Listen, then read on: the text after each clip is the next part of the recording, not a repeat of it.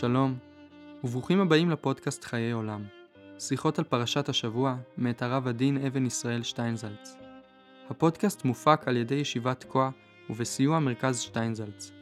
מוזמנים להאזין לעוד פודקאסטים מבית הישיבה, באתר הישיבה ובאפליקציות השונות. האזנה נעימה.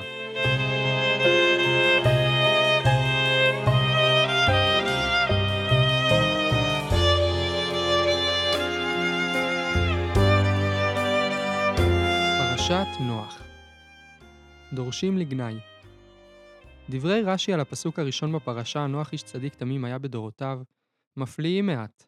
יש דורשים אותו לשבח ויש דורשים אותו לגנאי. אם ניתן לדרוש אותו לשבח, מה ראו רבותינו, ומה ראה רש"י לדרוש אותו לגנאי? נוח מופיע בסוף פרשת בראשית בתור התקווה הגדולה של העולם.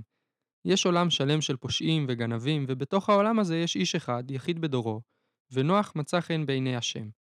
כך גם מעיד עליו שמו. זה ינחמנו. יש כאן ילד שנולד עם תקווה גדולה.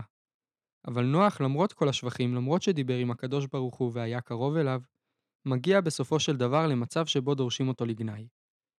במבט ראשון, ברור שהדרשה של נוח לגנאי איננה גנאי גמור, כלומר, שכל מה שהוא עשה היה רע, אלא לגנאי בהשוואה לאברהם. בכלליות, ניתן לומר שכשחז"ל דרשו את נוח לגנאי, הם לא עשו זאת בכדי להמעיט בערכו של נוח כמו שרצו להדגיש את ערכו של אברהם. תחילתו של נוח היא כאיש צדיק תמים, אבל הסיפור האחרון עליו הוא לא כל כך יפה. נוח אמנם איננו בדיוק האיש שעשה את המעשה, אבל הוא מעורב בסיפור מכוער, ולא לגמרי שלא באשמתו. מיד עולה על הדעת איש אחר, לוט, גם הוא בחור ממשפחה טובה, שמסיים באופן לא כל כך יפה. אף אחד לא יכול לטעון שהוא בעצמו עשה משהו, ואי אפשר להאשים אותו בצורה גלויה, אבל יש אי נעימות בתוך העניין. וברור שדרשות חז"ל המרובות בנושא רק מדגישות עניין שקיים כבר בפסוקים. קיימות נקודות דמיון נוספות בין נוח ולוט. אצל שניהם מעורבים הילדים. שניהם התפתו ליין והנפילה שלהם מגיעה דרך שכרות. ואצל שניהם השאלה היא לא מה גרם לאדם שיכור שיעשה מה שיעשה, אלא מה גרם לו שישתכר. נוח ולוט הם שניהם שריד לעולם שהיה, אנשים בודדים שנשארו מעולם שלם, שהיה קיים ונעלם כהרף עין. כל מה שהיה סביבם לפתע איננו, והם נשארים מבודדים בתוך עצמם. כפי הנראה, גם נוח וגם לוט אינם מסוגלים לעמוד בבדידות הנוראה, בהרגשה הזו שאני נמצא לבדי. משום כך, השלב הראשון הוא ששניהם מתחילים לשתות, ואחר כך קורה מה שקורה. הבדידות של נוח ושל לוט קיימת אצל כל אדם שהחליט להפריד את עצמו מן העולם. בעצם, זו בדידותו המהותית של הצדיק. משום שההחלטה להיות צדיק יכולה לבוא לידי ממשות רק כאשר אדם מסוגל להיות לבדו. הוא מוכן להביא בחשבון בדידות שאין לה סוף, הוא מוכן להיות בבחינה של אברהם, שעליו נאמר, אחד היה אברהם. אברהם רוצה לעשות שינוי בעולם, אבל ברגע שהוא יוצא מבית אביו, הוא צריך גם להיות מוכן להיות אחד, בודד, להיות במעמד שבו כדרשת חז"ל, אברהם העברי, כל העולם מעבר אחד והוא מעבר אחד.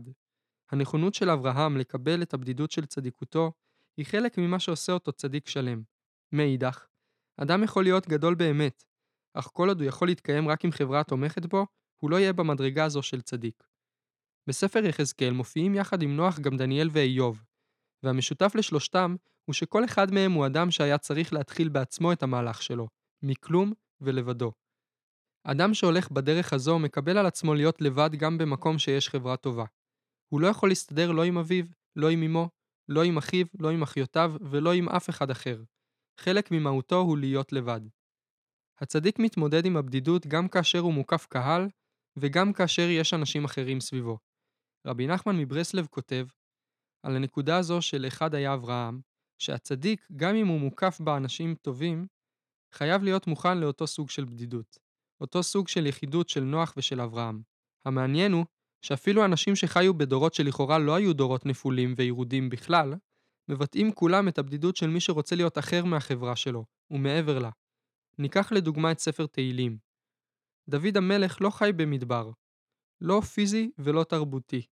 הוא גם לא חי במקום שכולם היו אנשים רעים. אבל אם פותחים למשל את פרק סט, רואים שהוא מדבר על בדידות נוראה. כולם לועגים, כולם צוחקים. אני מתאר לעצמי שאם היו לו אחים הגונים, הם היו אומרים לו, נו, יש גבול ליראת שמיים. אתה צריך להיות יותר גדול מהרב המקומי? אתה צריך להיות יותר מהאח הגדול שלך? שב במקומך. למה אתה צריך להיות יותר מכולם?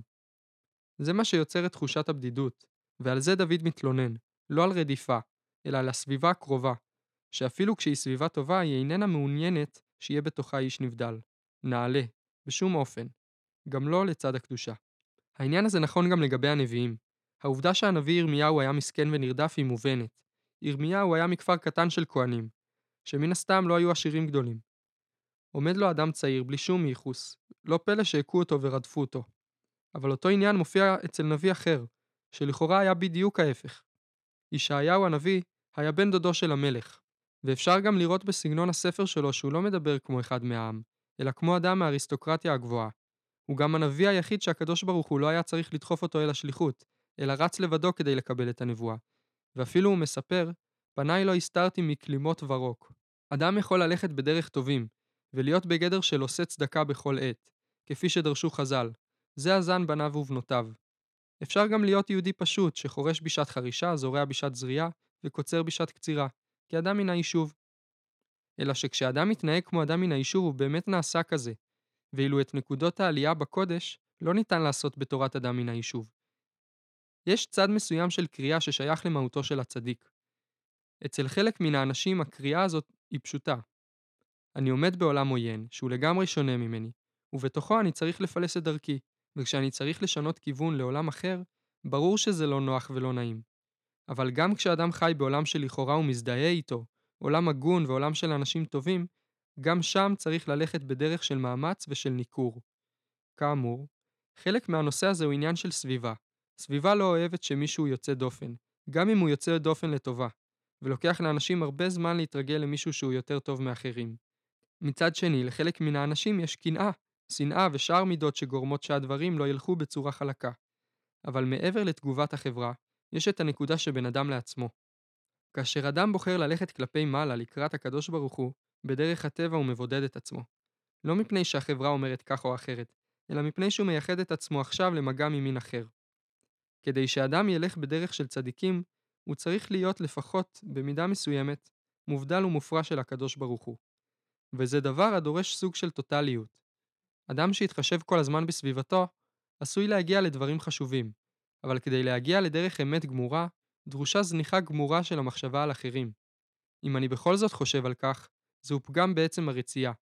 זה נכון לגבי דורו של נוח, של אברהם, של משה, וכאמור גם לגבי דורו של דוד.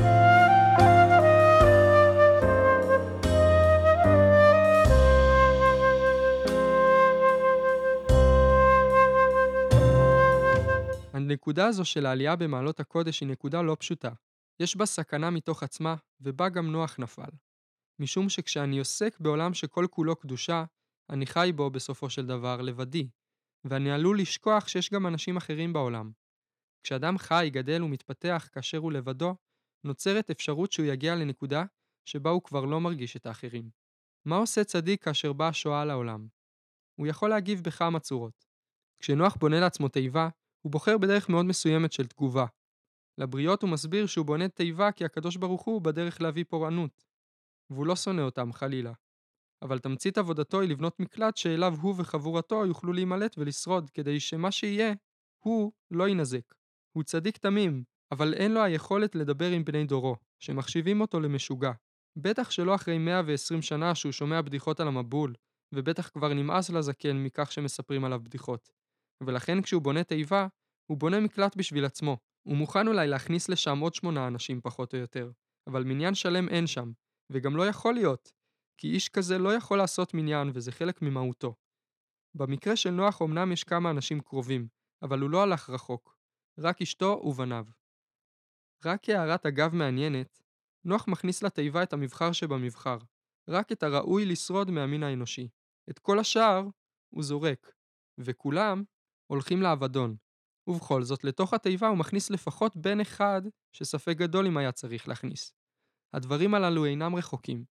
לפעמים נוצרת מין קליקה של צדיקים, ארבעה, חמישה, שמונה צדיקים יחד שיושבים לעצמם, והם מכניסים לשם גם את חם ואת כנען, מפני שהם אומרים, אנחנו בכל זאת משפחה, אנחנו נסתדר, אבל עם אחרים אנחנו לא יכולים להסתדר.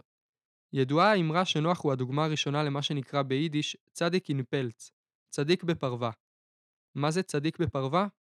כאשר מגיע קור לעולם, יש שתי דרכים איך להתמודד איתו. הדרך האחת היא להדליק תנור, והדרך האחרת היא ללבוש פרווה.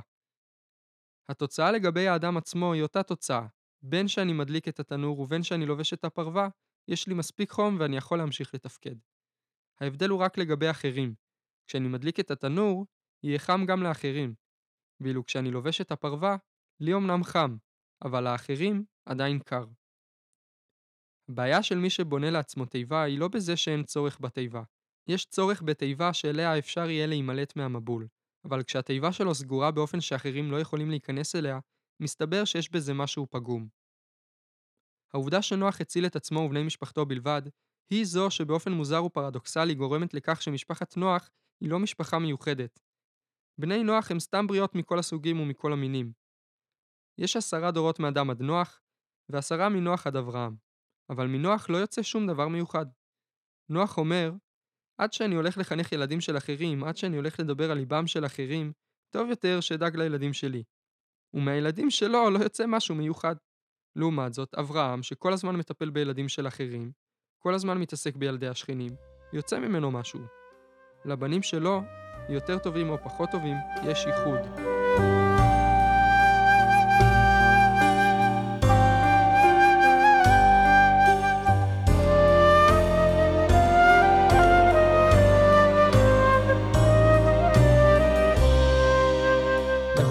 עובד השם יש צד של הנאה בעבודתו.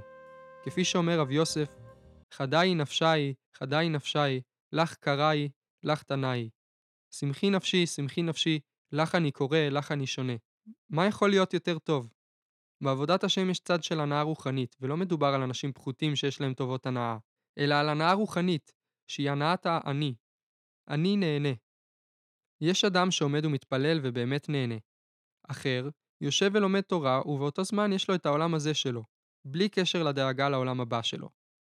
הייתי פעם אורח של יהודי שהיה קיבוצניק. הוא היה איש שעבד עבודה גופנית ברפת קרוב לשמונה שעות ביום, והוא לא היה איש צעיר. ואחר כך הוא היה מתרחץ, אוכל את המינימום, ויושב בין שמונה לתשע שעות ולומד גמרא. ובימים שהיה באפשרותו להוסיף היה לומד עוד כמה שעות. זה שהוא ישב ולמד גמרא בגילוי הראש, וזה שבביתו לא הייתה מזוזה, לא היה שייך להנאה הפשוטה שלו מהנאות העולם הזה. גם עבור הצדיק, הבדידות היא אמנם הקשר שלו עם הקדוש ברוך הוא, אבל היא יכולה להיות גם סוג של אגואיזם. יש בה צד שהוא פשוט אנוכיות. האיש הזה דואג לעצמו ולעצמו בלבד. יש בזה מדרגות שונות. יש אדם שכשזה מגיע לאוכל, הוא אוכל לבד. יש מי שכשזה מגיע לגמרא הוא לומד לבד, ויש אדם שרוצה לחטוף לבד את העולם הבא. בכל אלו קיים פגם שמעמיד את השאלה, שאיננה ביקורת פשוטה אלא ברמה גבוהה מאוד, שנשאלה לגבי הרבה מאוד אנשים שעוסקים בעבודת השם. האם ייתכן שאהבת השם היא תאווה ככל התאוות?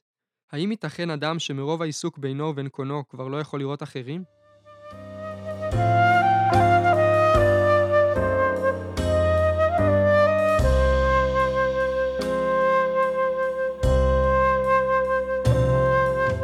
כמובן שיכולים להיות גם צדיקים מסוג אחר. הפסוק אומר, את הנפש אשר עשו בחרן.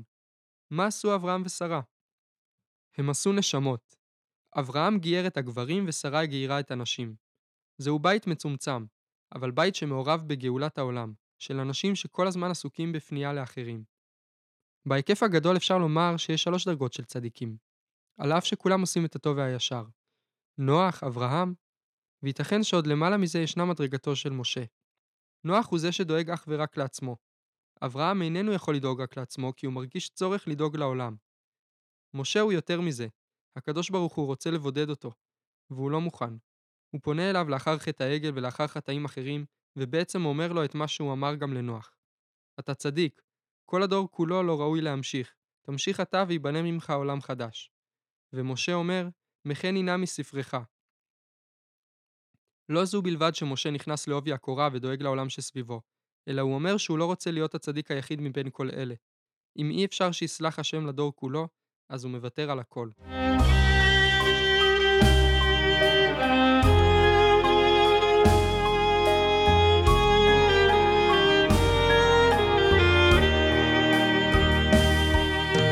בסך הכל, הבעיה של המבול קיימת לא רק בזמנו של נוח.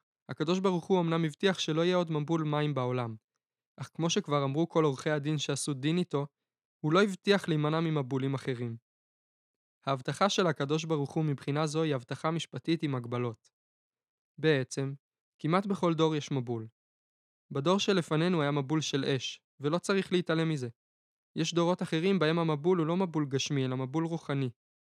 יכול להיות מבול שיורדים מים מהשמיים, ויכול להיות מבול כמו שאנו נמצאים בו, שכל הביבים נפתחים, ארובות השמיים נפתחות, וכל מי השופכין יורדים עלינו. גם מלמעלה, מהאינטלקטואלים, וגם מלמטה, מהמון העם, יש מין שיטפון כזה. לכן מתעורר צורך לעשות תיבה. בשביל זה אנשים מתקבצים יחד ושומרים על עצמם, בונים לעצמם כתלים כדי שלא יטבעו במים הרבים הללו. אך מאידך גיסא, צריך לזכור שנוח הוא הדוגמה לכך שגם אדם שניצל מהמבול יכול לגמור בתור שיכור. מפני שהוא חי בתוך עצמו, אפילו בדברים שבקדושה. ואז צריך לחכות עוד עשרה דורות עד שיבוא מישהו שיציל את העולם. גם בדורות אחרים יכול לקרות מצב שעושים כלוב כזה. בית, שכונה, או אפילו עיר שלמה, ששם יושבת התיבה עם כל גן החיות. כל מיני צדיקים עם כנען אחד, חם אחד, ואפילו עם שם ובית המדרש שלו. ומעבר לזה, מבחינתם, אין יותר עולם. וזו בעיה שצריך להתייחס אליה. הפרשה מתחילה בנוח מצא חן, ומסתיימת בקול ענות חלושה, באדם זקן ובודד שאיננו שום דבר. למעשה, גם הניסיון השני של העולם מסתיים בכישלון. תחילתו של הניסיון הראשון היא, והנה טוב מאוד, וסופו הוא בסוף פרשת בראשית, ויתעצב אל ליבו.